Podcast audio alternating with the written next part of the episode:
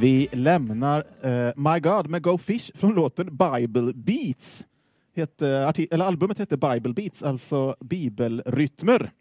Och det var ganska passande, tänker jag, när jag läser den låttiteln, när jag har en gäst framför mig som heter Thomas.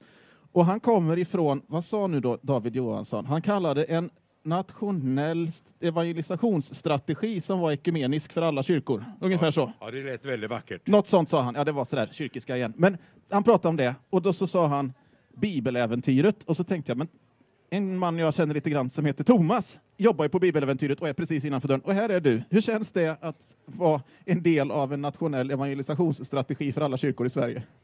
Alltså det känns jättebra att liksom veta att man har alla bakom sig. Det var en, var en eh, presentation som heter duga. Var en del av en stor evangelisationsstrategi för Sverige. Ja. Vad är Bibeläventyret, Thomas? Ja, men just det att uh, kunna få ge en kunskap om Bibeln oavsett om man har en tro på det eller inte. Att kunna få ge det ute i skolorna. En uh, skola som försöker att stänga bibelkunskap men Bibeläventyret har öppnade dörrar för att vi, vi hjälper skolan med deras mm. undervisning. Och vi gör ungefär 1500 bibeläventyr i Sverige varje år. När jag sa att det var som en liten övergång här när det var Bible Beats eller alltså bibelrytmer så du förstår vad jag menar när jag säger bibelrytmer och att det är ett passande eh, start för bibeläventyret för ni använder ju mycket rytmer och ja. rim och sånt. Ja. Vi leker in kunskapen om Bibeln med hjälp av alla våra sinnen, bland annat då rörelser och vi rappar, vi trollar och vi har teater och vi gör massor med andra Oj. grejer. Smaka på godis och döda havsvatten och lite sådana grejer. Mm. Konkret, det är kyrkor som betalar för att någon ska kunna erbjuda detta till skolorna, eller hur funkar det?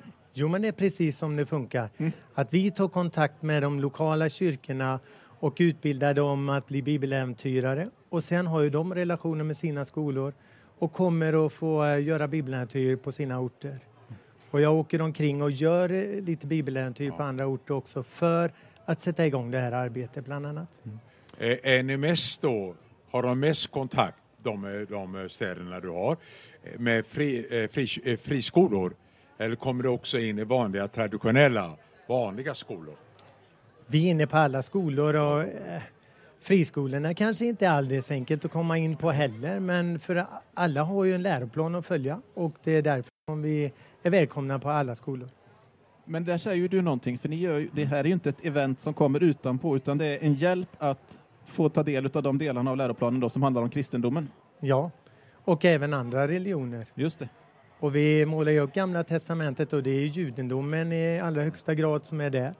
Och sen så kommer vi också in då Nya Testamentet med kristendomen. Mm. Men vi nämner också att eh, islam finns det. Bakgrunden eh, Ismael, Abrahams ena pojk, mm. är ju en som islam ser upp till så att deras bakgrund finns ju i Gamla Testamentet. Mm. Så vi hjälper till med den undervisningen.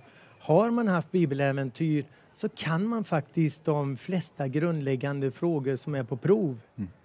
i skolan, fjärde, femte klass. Ja. Fantastiskt bra egentligen. Mm. Vad, vad, krävs det för att vara en bibeläventyrare? Förutom att man har gått utbildningen ja. då. Men... Ja, vad krävs det? Jo, det krävs att man ska kunna rappa tio Guds bud inför en skolklass och att man eh, har en eh, församling som står bakom sig och vill gå ut på skolan och göra den här undervisningen. Och vår äldsta bibeläventyrare är 78 år gammal och hon bor i Alunda. Hon gör bibeläventyret ensam på de skolorna. Och vår yngsta är 18 och har gått, genomgått bibeläventyret själv i skolan. Får jag fråga en sak?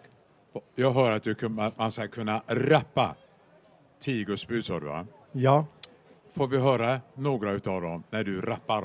Ska jag rappa nu? Det ja. finns ju jättemycket folk här och ja. jättemycket folk som lyssnar. Ja, det är jätteroligt. Det är ingen skolklass, det är inte 25 elever. Nej, men vi är igång nu och rappar med dig. Då. Det är bara jag och Torbjörn här. Ja, Inga rappar, andra gudar, inte tillbe någon annan, inte snacka skit, inte missbruka Guds namn. Ta det lugnt minst en dag i veckan, respektera varandra, ta tillvara på det de kan. Och döda inte någon, det är helt o...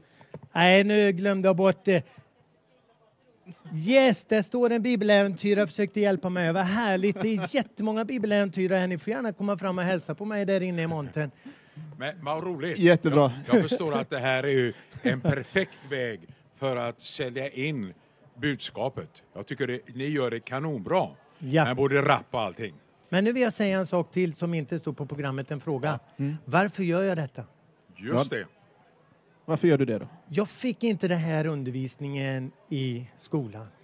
Eller rättare sagt, jag är så gammal så jag fick det. Men liksom, jag fick inte gå i söndagsskola, jag fick inte lära mig de här berättelserna och nu går vi mot en, en eh, generation som kanske inte får lära sig det som vi lever efter. Och därför vill jag ut och ge möjligheten för att de ska kunna få känna till berättelserna. Och det är därför jag gör det. Det var bra slutord, Thomas. Du ska få gå vidare och lycka till med din tid här på Nyhemsveckan och med det arbetet som ni står i, i Bibeläventyret